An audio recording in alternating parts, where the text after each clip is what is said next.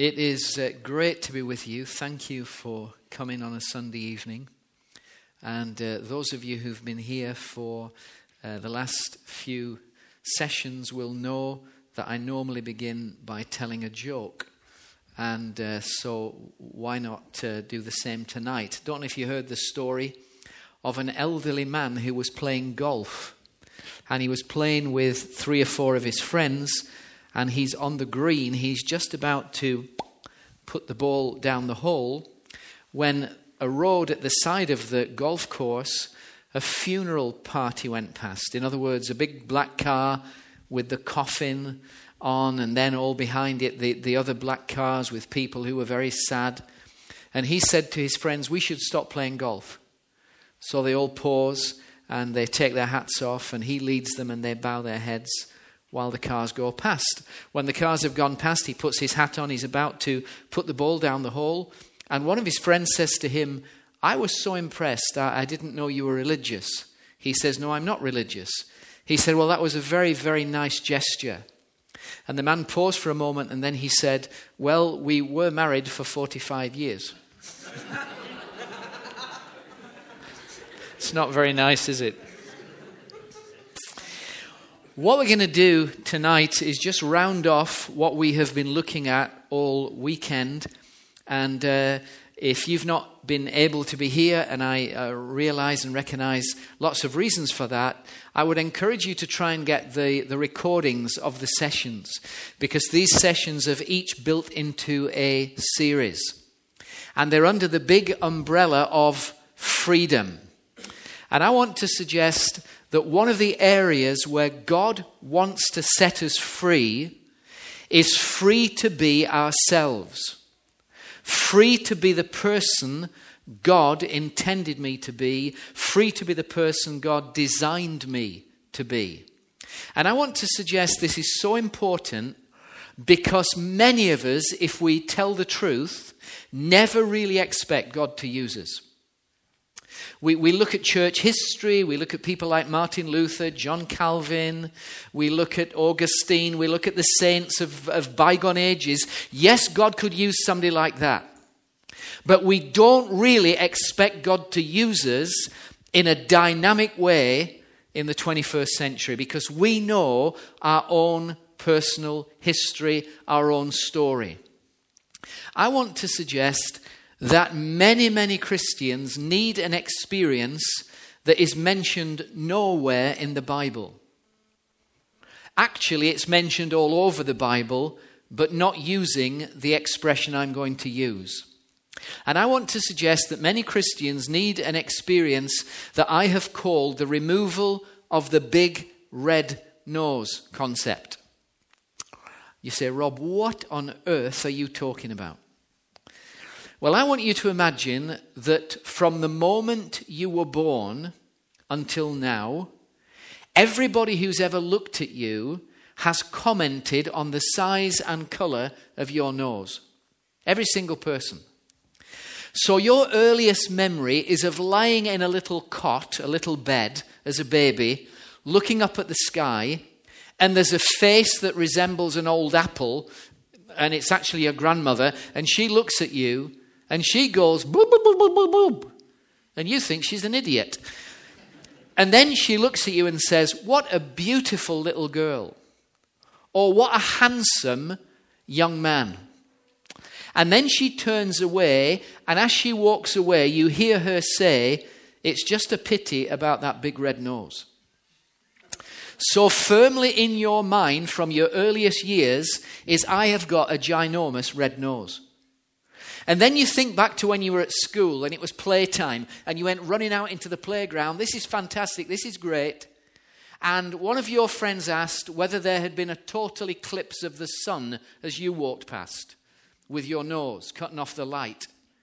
And somebody else asked whether Concorde had been relaunched as you walked across the playground. So you have got it firmly in your mind about you. I have got a ginormous red nose. And then you come to church, five o'clock on a Sunday evening, and I announce to you that we are going to do a study on famous noses in the Bible. and we look at the Old Testament and we look at the New Testament and we look at some of the people God used, and you feel terrible inside because everybody we look at in the Bible has got a normal size, normal colored nose.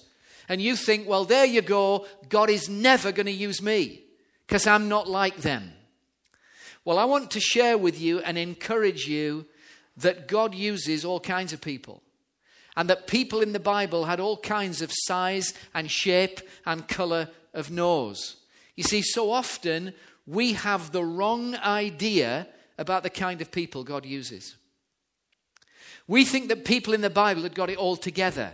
We think they were perfect, they never blew it, they never failed, they never struggled, they never went through the problems we go through, and they were absolutely perfect, and so God could use somebody like that. And in our hearts, we feel so discouraged because we know about ourselves. Actually, I've got a big red nose. I, I, I don't have it altogether. Well, what I wanted to do is to look at somebody today who did not have it all together. Somebody actually who God used remarkably. His name was Timothy. And I'm sure you know that there are two books in the New Testament written to him. They were actually letters written by his friend Paul, and they were the last letters Paul ever wrote that find their way into our Bible. We call them 1 Timothy and 2 Timothy.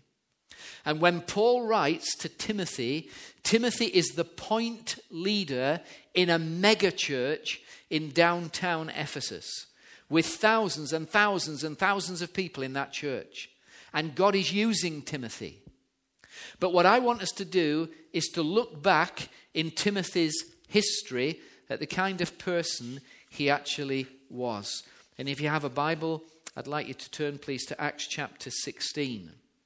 So, the book of Acts, and we're going to read from Acts chapter 16, from verse 1 down to verse 4 or 5. Now, If you had been in 1 Timothy in your Bible and you are turning back to Acts chapter 16, you are turning back at least 20 years. Okay? From 1 Timothy back to Acts chapter 16 is at least 20 years. Now, here's some very complicated maths.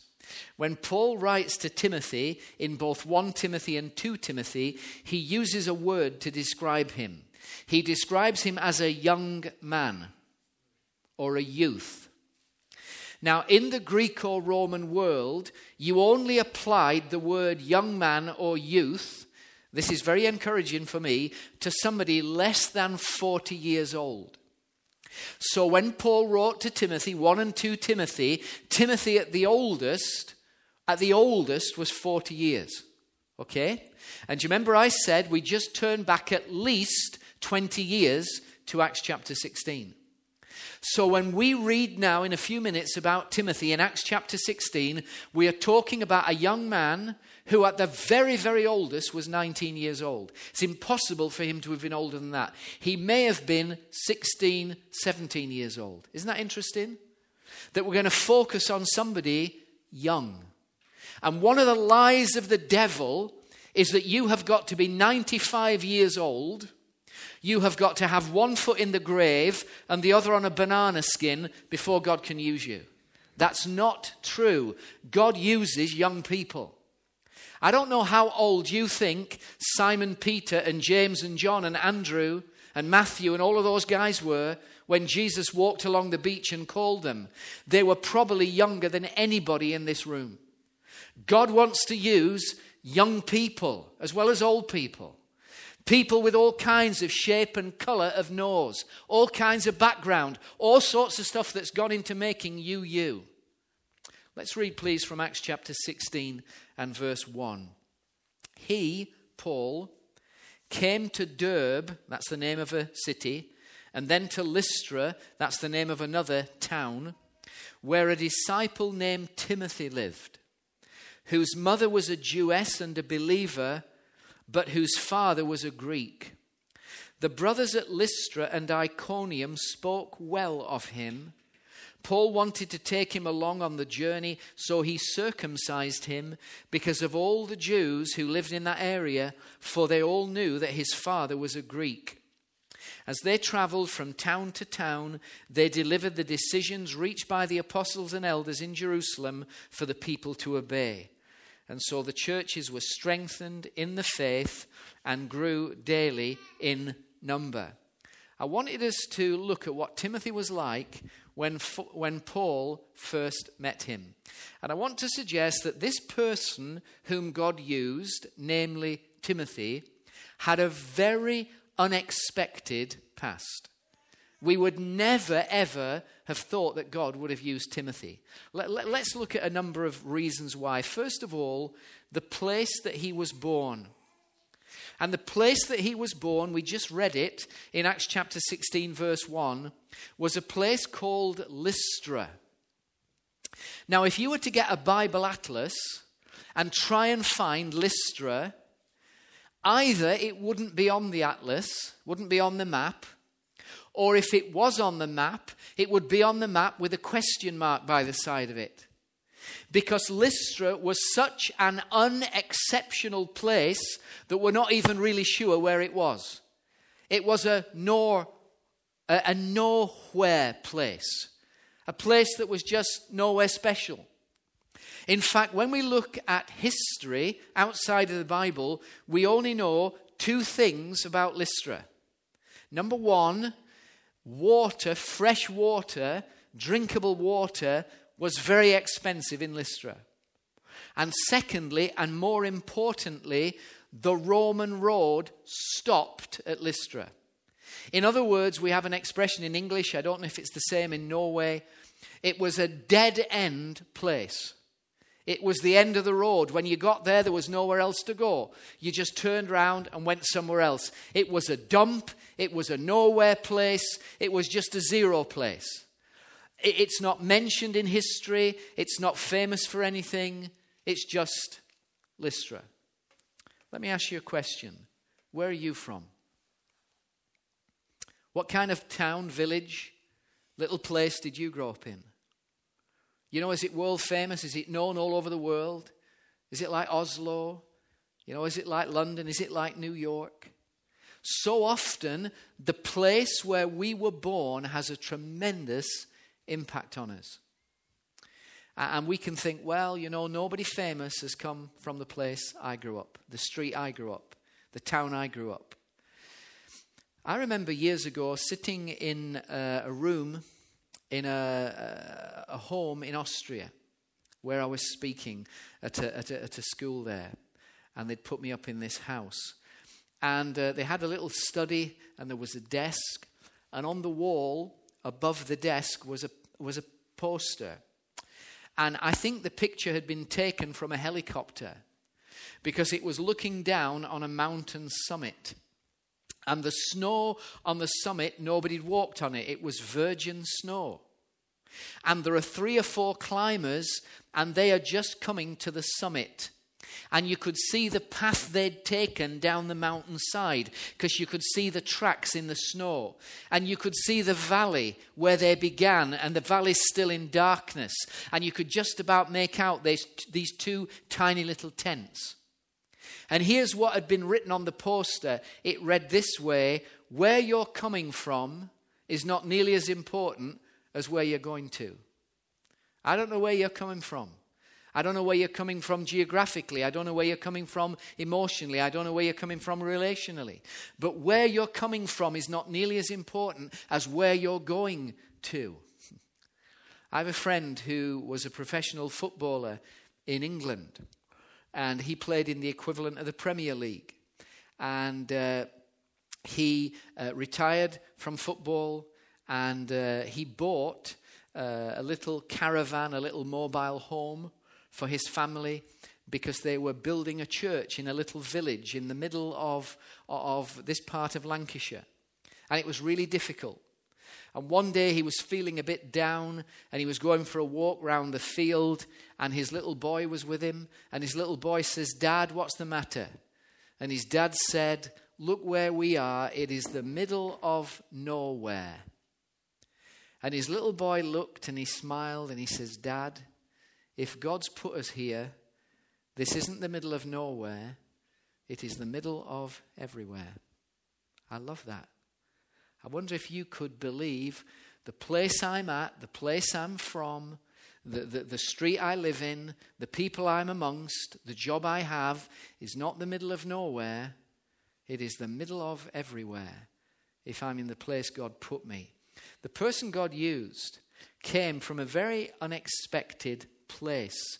But more importantly, I wanted us to look at the family that he was born into. And I want to suggest that the family he was born into was highly dysfunctional. Somebody once said that the most formative years of our lives are the first five years of our life. And we spend the next 50 years trying to get over the first five years. Now, I don't know whether you think that's an overstatement, but I think there's a great deal of truth in that.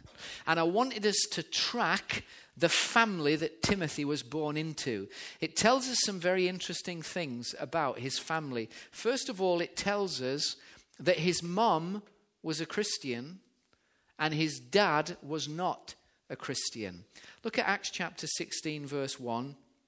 It reads this way Where a disciple named Timothy lived, whose mother was a Jewess and a believer, but whose father. In other words, it focuses on the spiritual experience of his mom, a believer, that means a Christian, a follower of Jesus, but, and but is a word of contrast, but his father. Now, if you think I'm building too much on that little word but, let me read you another verse from the Bible, 2 Timothy 1, verse 5. And this is 20 years on when Paul is writing to Timothy, and Timothy is now a pastor in a huge church. And Paul is excited about Timothy's faith. And he says to him, 2 Timothy 1, verse 5, I have been reminded of your sincere faith, which first lived in your grandmother Lois and in your mother Eunice, and I am persuaded now lives in you also. In other words, there is no reference to believing faith in the life of his dad. His mum is a believer, his dad isn't.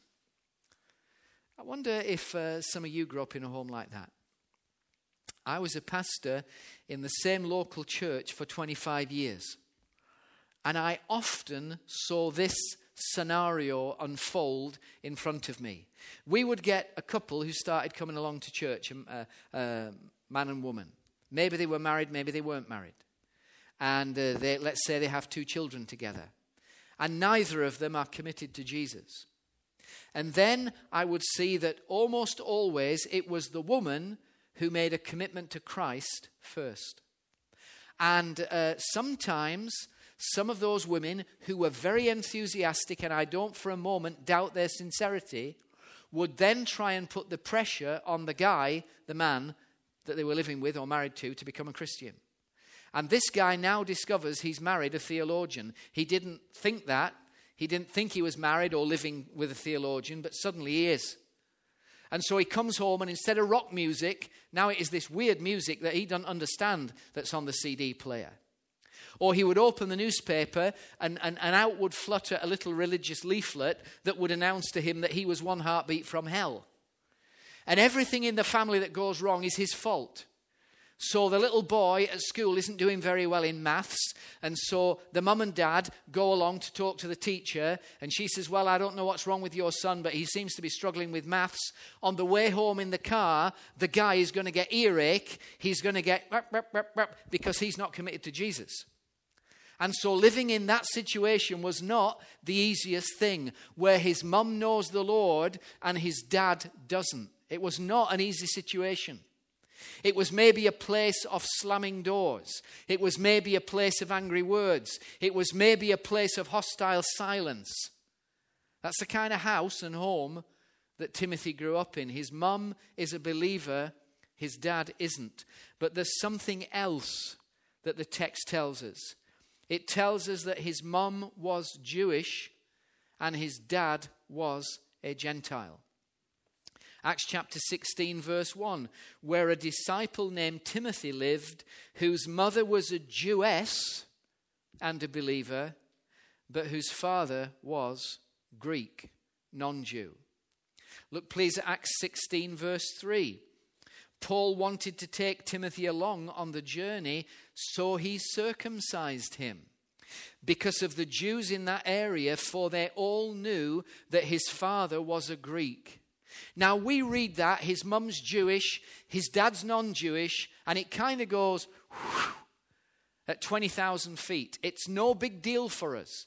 It is no big deal in Norway in 2011. 2,000 years ago, this was mega. This was scandalous. This was almost unheard of that a Jewish woman would marry a non Jewish man. In fact, if she was from a true blue conservative Jewish family, they would have had a funeral to kind of mourn the fact that she had not married a Jewish man. It, if they'd have had newspapers, it would have been in all the newspapers. If they'd had CNN, it would have been breaking news along the bottom of the TV screens. Jewish woman marries non Jewish man. Scandalous. And that's the family that Timothy grew up in. I wonder if in your family there was scandal.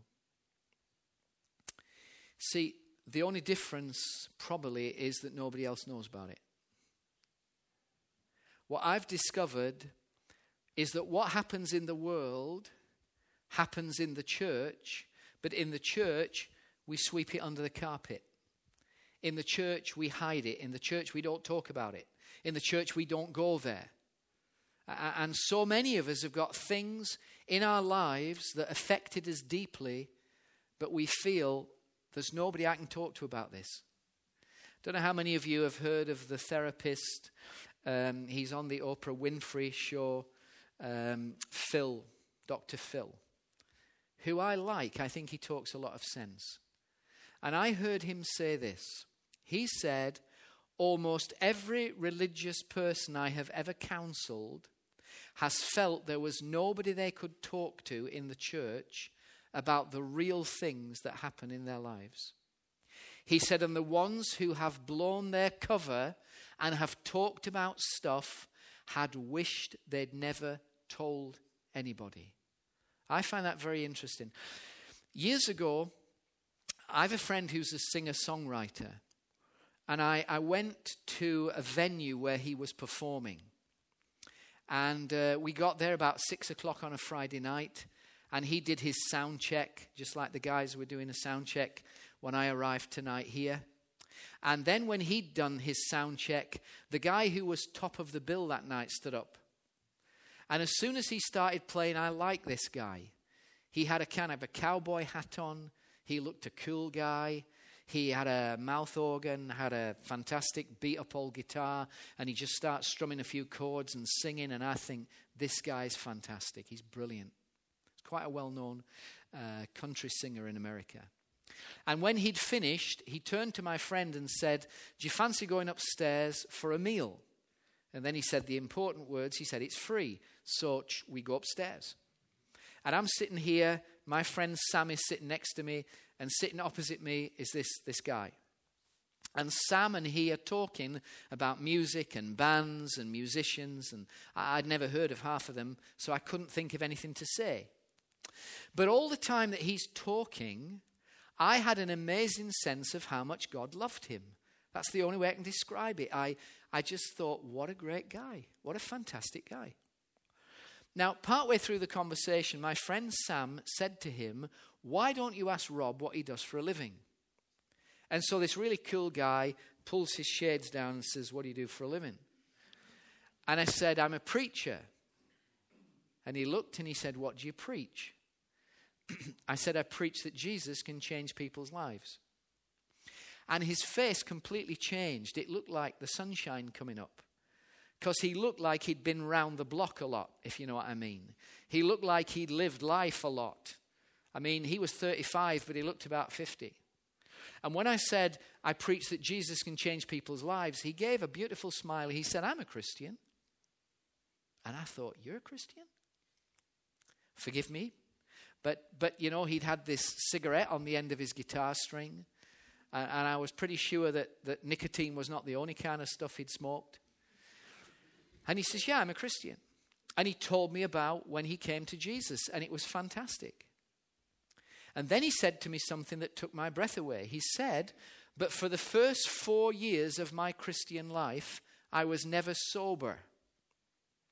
And this shows you how naive I am. I thought he meant, you know, I was on a spiritual high. I was away with the Holy Ghost. I was just away in the heavenlies or something. And he laughed and he says, No, no, no, no. He says, I'm an alcoholic. And for the first five years of my Christian life, I was never sober. Now, that might give you a problem. Is the stuff in your life you can't stop doing? Are there things in your life that you wish weren't there? He said to me, Things came to a head when I woke up on the floor of the front room of the guy who played drums in my band. And I couldn't remember the past two days. He said, And there were two things in my mind. Number one, if I don't stop drinking, it's going to kill me. And number two, I can't stop drinking.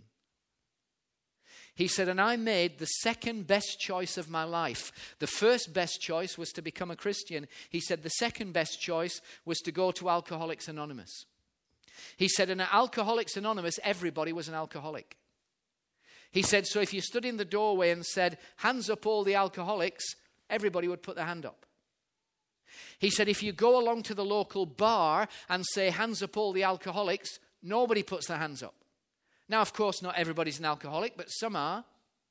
But you ask there, hands up all the alcoholics, nobody puts their hands up. And then he asks a question that nailed me. He says, Rob, you're a pastor.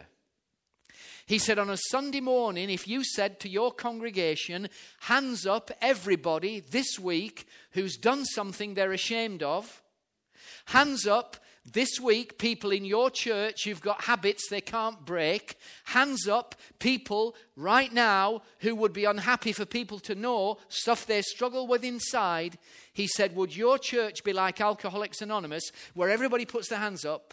Or would it be like the local bar where everybody sits there looking super cool, like I've not got any problems? And I said to him, Pete, it would be like the local bar. Because in church, we all think we've got to act like we've got it all together when nobody has got it all together. And so we become a congregation of play actors, terrified about admitting what we struggle with. Timothy is from a dysfunctional family where his mum's a believer, his dad isn't, where there is scandal in his family. Stuff gone down. The difference is that everybody knew about it. In our situations, very few people know what we personally are struggling with. And then there's one other thing I wanted to flag up. And we're going to have to just uh, think about the Greek language for a moment to support this. His mum is around, his dad is no longer around. It says in Acts 16, verse 3 Paul wanted to take Timothy along on the journey, so he circumcised him because of the Jews who lived in that area, for they all knew that his father, past tense, was Greek. Now, you just have to trust me with this. I promise you this is true. Uh, if you were into Greek grammar, the tense of that verb shows very clearly that his dad is no longer around. So, what's happened to his dad? Well, maybe his mum and dad have got divorced, or maybe his dad has just left, or maybe his dad has died. We don't know, but his dad is no longer there. And I know enough about the human heart to guess that that would have been extremely difficult for Timothy. You know, many, many young people, when their father is no longer around, although this is crazy, my heart goes out to them, they feel it's their fault. They feel, you know, if my mum and dad got divorced, it's my fault. They feel if dad left home and just abandoned us, it's my fault. And I wonder how many of us carry stuff that cripples us. You know, uh, we have students come to Capernwray, where I'm the principal of the Bible school, and we write to them before they come, and we say to them, You are only coming for six months, or You are only coming for three months, so don't bring a lot of stuff. And then I see, and it's usually, though not exclusively, uh, North American girls who turn up, and if that's not a lot of stuff, you know, thank goodness they didn't bring a lot of stuff. I mean, there are juggernauts rolling out up the drive. This is a joke. We are removing windows. There are cranes swinging in container vessels of clothes. I mean, massive amounts of stuff.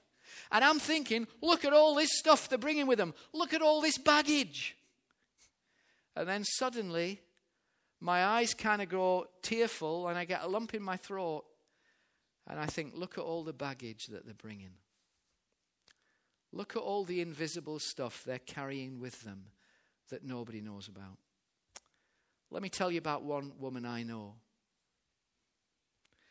She's the daughter of a world famous Christian leader. If I, if I said his name, Probably a lot of you here would know his name, and certainly in Britain, everybody in the church would know this guy's name. You know what happened to this woman? She said I could tell her story. When she was a little girl, her dad raped her repeatedly. When she got into her teenage years, that continued. When she got married, that continued. And she felt it was her fault. Can you believe that? And she had counseling and therapy and such. And I'm not saying this always has to happen, but, but she felt it right to go and face her father with that. Do you know what he said to her? He said it never happened. You always were an imaginative child, it never happened. Well, she wouldn't just let go of that, and so she went to some Christian leaders and they challenged her dad. Do you know what he then said? Well, it happened a couple of times, but it wasn't my fault, it was her fault. Can you believe that? I can believe that because I have sat with enough broken hearted people who've had all kinds of stuff happen to them that they found it so hard even to talk about.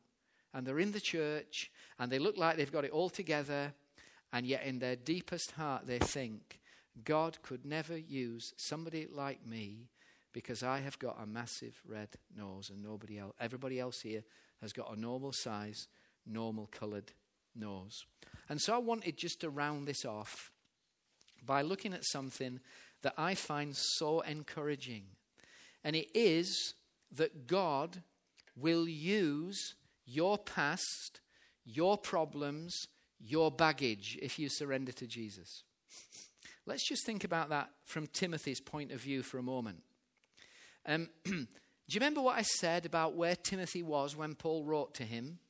20 years on from what we've just been looking at, Timothy is in Ephesus. Now, if you were to research Ephesus, I think this is fantastic. I love this. It's wonderful. There are two people groups in Ephesus. Do you know who's in Ephesus? Fasten your seatbelt Jews and Gentiles. Do you know who's coming to Jesus? Jews and Gentiles. You know one of the biggest problems in the church? Jews and Gentile Christians getting on together. And Timothy is in Ephesus, and he grew up in a home where his mum's Jewish and his dad's Gentile. Fantastic. The stuff that was painful, the stuff that was difficult, the stuff that probably kept him awake at night, the stuff that he didn't know how to navigate, was exactly the stuff that God used when he surrendered to Jesus. If you were to read in 2, I've put the references on the slide there. Paul writes to Timothy and he gives him two things that Timothy has to do in the church in Ephesus. 2 Timothy 4, verse 5, Paul says this to Timothy Keep your head in all situations, endure hardship, and do the work of an evangelist, discharge the duties of your ministry. Do the work of an evangelist. Explain to people how to come to Jesus. Isn't that fantastic? That Timothy grew up in a home where he probably heard his mum trying to explain the gospel to his dad countless times. Stuff that happened way, way, way, way back in his childhood was equipping him for his evangelistic ministry when he's a man of 35, 40 years old. Fantastic. Listen to the next verse I want to read 2 Timothy 3, I beg your pardon, 2 Timothy 4, verse 2. 2 Timothy 4, verse 2. Preach the word. Timothy, that's what I want you to do, to expound the scriptures. Now let me read from 2 Timothy 3, verse 15. Paul writes and says, From infancy you have known the Holy Scriptures. Who taught him the Holy Scriptures when he was a little boy? His mum, who's Jewish and a believer.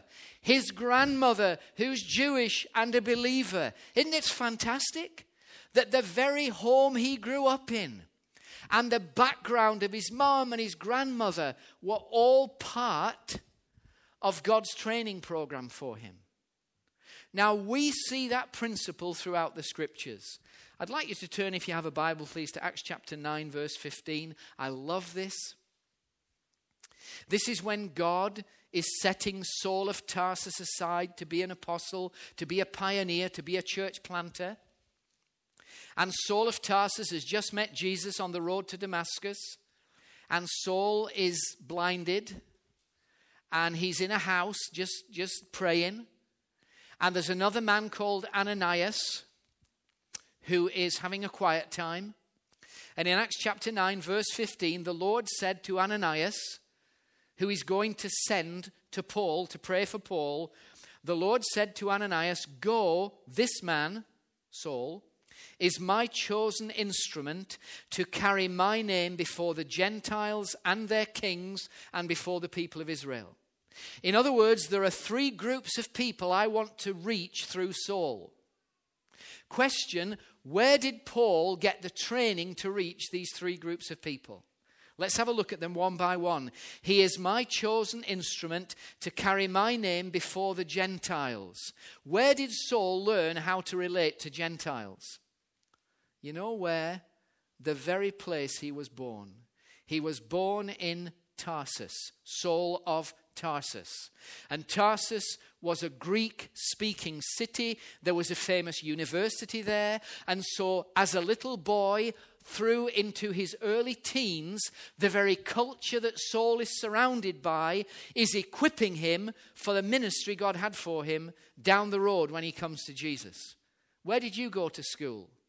What kind of culture did you grow up in? What happened to you when you were knee high to a grasshopper? What sort of things made you you? Hey, God can use those things. Listen to this. He's going to be my chosen instrument to carry my name before Gentiles and before the people of Israel. Where was Saul of Tarsus equipped to reach Jewish people? Well, at the age of somewhere between 12, 13, or 14, he was sent by his mum and dad to Jerusalem. He had no say in it. They told him where to go. He goes to Jerusalem. He trains at the feet of the famous Pharisees of the day, one of whom was called Gamaliel. He, has, he, has, he is trained to think like a Pharisee. He's taught Hebrew. He, he drinks in Hebrew theology. He's not a Christian yet. This is just his training. This is stuff he had no say in. And yet it's part of God's training program for him. What did you study at school? What's your occupation? What are you good at? What, what, what do you do and it's just part of who you are? Hey, it's fantastic. How about the third group of people? He's going to carry my name before the Gentiles and their kings. How did Saul get to be able to witness to Gentile kings? Well, if you track him through the book of Acts when he's arrested and they're going to beat him up, just as they're about to flog him, he says, Is it legal to flog a citizen of Rome? You say, well, well, how could Paul be a citizen of Rome? I thought you told me he, he was born in Tarsus. I did. I thought you told me at the age of 12 to 14 he went to Jerusalem. He did. So, what's this about him being a citizen of Rome? Well, the term citizen of Rome is a technical term. And it actually means that either his dad or his granddad did something very, very helpful for the Roman Empire, and they rewarded him by conferring upon him the title citizen of Rome. It was an honorary title. I think that's great. And that title was then passed down from grandfather to son, from, from father to son. And so Paul is technically a citizen of Rome. Now, don't miss this, it's really important. So many of us think I'm as screwed up as I am because of my granddad. I'm the mess I am because I got dropped on my head at the age of three. You know, I'm like I am because of my ancestral line. And we always look back and say, oh, wow, that's why I'm so screwed up. How about looking back and saying, fantastic, God was at work before I was ever born in things He put into my DNA that equip me for the ministry He has for me. Let, let me tell you a story about me, then a couple of stories, then we're through. Recently, I went up into the loft of our house. And I'm sitting there on the floor of the loft, just tidying some things up, and I found an old red box. And the old red box was actually my mum's treasures. And my mum is now with the Lord. And I just took, opened the lid and started going through the box. And I found something that was absolutely fascinating. It was the first letter I ever wrote to my mum as a little boy. And I was just learning to write. So all the lines uh, are, kind of sloping up. And there's a mix of, of lowercase and higher case letters, small letters and capitals. Because I, I was just learning to write and things are spelt wrong. And do you know what it says? Do you know what the first paragraph, and it's a big long paragraph, says? It says, Dear Mummy, please look at the corner of the pages. Each page has got a number on it. The first page has got number one, and I looked, and there's a number one with a circle round at the top page. The second page has got number two with a circle round. And that it's written. And the third page has got number three with a circle round. That is to tell you how to read the letter. You have to read page one, which has a number one with a circle round first. You have to read page two, which has a number two with a circle round second. Hey, I was only learning to write. Just look at what's over my shoulder. What have I been doing for the last 40 minutes? Point one, point two, point three. That's me, dead analytical, dead organized. It's part of how God made me, and it's how God uses me. Now, you are exactly the same. God has put things in you as a person which are part of his training program for you. Listen to this. I believe this with all of my heart. No one in all of the world is as good at being you as you. Every person, Viktor Frankl said, is unique in the universe. You might have a big red nose. And God says, You know what? I love people with big red noses because I can send them to people with big red noses. I can send them to other people who feel inside, I'm just different, I'm unusual, I don't fit in. See, I want to write, I want to put this down with five minutes left. I want to explain it, then we're through. The things that you think disqualify you are actually the things that uniquely qualify you to be a key player in his kingdom. All right? What do you think right now is stopping you being used by God? Is it your health? Is it some relationship?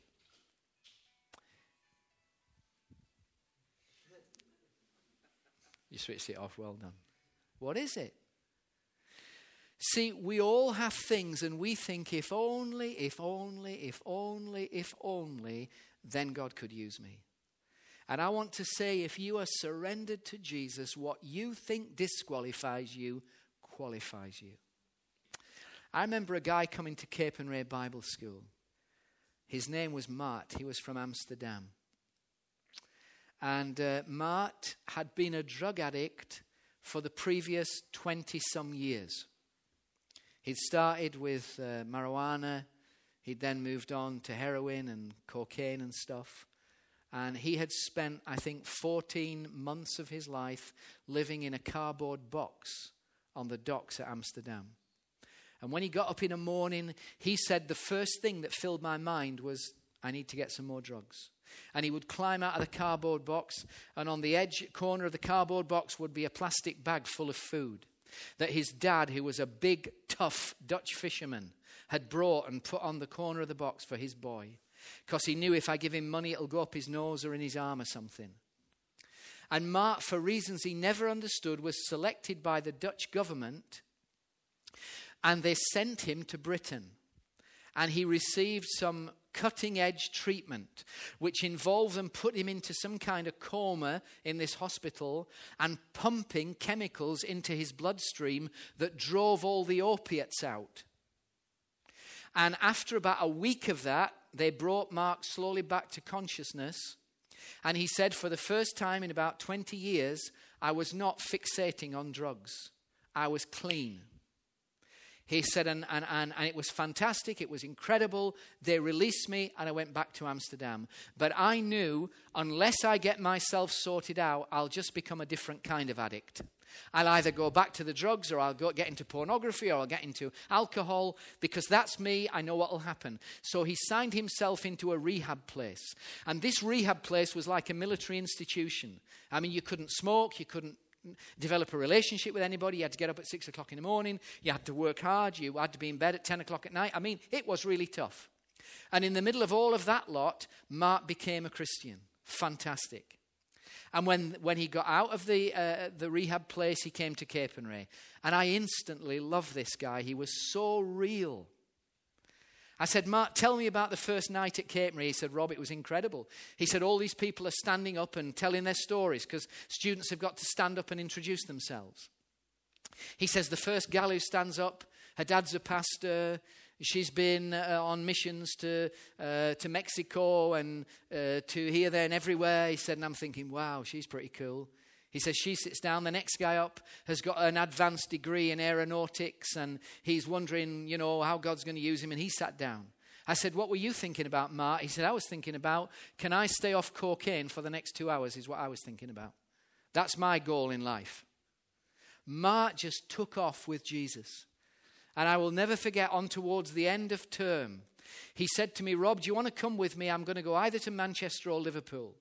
And I do this every Saturday afternoon, the, the, the, the, bit of the, of the weekend that he had free. He says, and I just go and make friends with guys who are drug addicts and I tell them about Jesus. I said, Matt, I'd love to go. He says, well, I need to tell you some stuff. He said, when we get there, I won't know any of them because they change every week. He said, and as we walk and meet them, he said, they will know two things about you before you open your mouth. I said, what? He says, number one, they'll know you're okay. You're a nice guy. They'll pick that up. I says, thanks a lot. He says, here's the second thing. He said, they'll know you have never done drugs in your life. It's written all over you. Said, oh, right, okay, thank you. He says, when, when I go, he said, they'll know two things about me. I said, what? He said, I can walk down any street, any city on earth, and meet guys who are doing drugs, and here's what they know about me before I say a word. Number one, I've been where they are. They know that I have been a major drug user. I don't have to say anything, they know it. He said, and secondly, they know I'm what they believe is not possible clean, free, different. And I kind of filled up, and, and when I was able to, you know, just gain a bit of self composure, I said, Mart, if it took 20 years of being a major drug user and it took 14, 15 months living in a cardboard box. And it took the hell of going through all you went through, and then the discipline of going through rehab. As far as God was concerned, if it took all of that so that you can communicate to lovely people who are trapped by drugs the good news of Jesus, it was worth it. So I wanted to tell you a story as we close. This is a true story. I guess most of you will know who um, the actor is that I'm going to talk about. His name is Michael Caine. He's a, an old British actor. He's from London. He has a Cockney, a London accent. He's been in lots and lots and lots of films. He was in The Prestige. Uh, loads of, you, you would know the guy, I guess. And when he was a young actor, he was filming a scene which um, required him to throw a door open walk through the doorway into a bar and deliver some lines of, of, of script. And so they get the film rolling. He walks, throws the door open. He's just about to go into the bar when he noticed that the set technicians have left a chair by mistake in the doorway. So he goes out of character and says, Whoa, whoa, whoa, stop, stop filming. So the technicians come along, they get the chair and the, the, the room right, then they refilm the scene. Later that day, the director, who was an old man, said to him, Michael, why did you tell us to stop filming when you found the chair in the doorway? And he said, Because it shouldn't have been there, and so I, I couldn't continue. And he said, The director said something to him that changed his life. He said, Michael Caine said it changed his life not only as an actor, but as a person. He said, Michael, use the difficulties. He says, What do you mean? He says, Listen, when you walked into that room, it, you're correct. The chair shouldn't have been there. But you should have used that difficulty. If we'd been filming a farce, you should have tripped over the chair. If we'd been filming a, a, thriller, you should have picked the chair up and slung it out of, the, out of the way and walked into the room. Michael used the difficulties. And I want to say to you, whatever difficulties or problems you have in your life right now, whether they are from the past, stuff that happened to you, choices you made, things that you regret, or they are things right now in the present that you're struggling with. If only, if only, if only, if only. Or they are things that you look at in the future and you're frightened about. Listen, God says to you, use the difficulties. Use them to lean on me. Use them to drive you to Jesus. Use them to lead you to God and saying, God, I need you. I want you. I want to walk with you through the middle of this. I wish this wasn't happening. I wish that hadn't happened. But Lord, I'm sticking close to you. I'm using the difficulties to lead me to you. And you know what you'll find? You will find that the things that you think disqualify you from being used by God are the things that uniquely qualify you to be a key player in the kingdom of Jesus Christ. Here's Timothy from a nowhere place called Lystra. But if I'm in the center of God's will, I'm not in the middle of nowhere, I'm in the middle of everywhere. Here is Timothy from a highly dysfunctional family, and yet the things he thought disqualified him were the things that uniquely equipped him to minister in downtown Ephesus. Hey, listen, nobody in all the world is as good at being you as you. Let's pray together. Father, thank you for your word. Thank you, Lord, for all that you've been saying to us over this weekend. And I pray, Lord, there would just be an explosion of the activity of Jesus in this group of people. I pray, Lord, not just in the, the building that we call church, but in our relationships at work, at home, with our family, with our friends, with the people we work with. Lord, may the very life of Jesus explode all over the place, and may lots of people be impacted by his love and his message, and may many come to him in a new way. And Father, we ask these things in Christ's name. And all God's people said, Amen.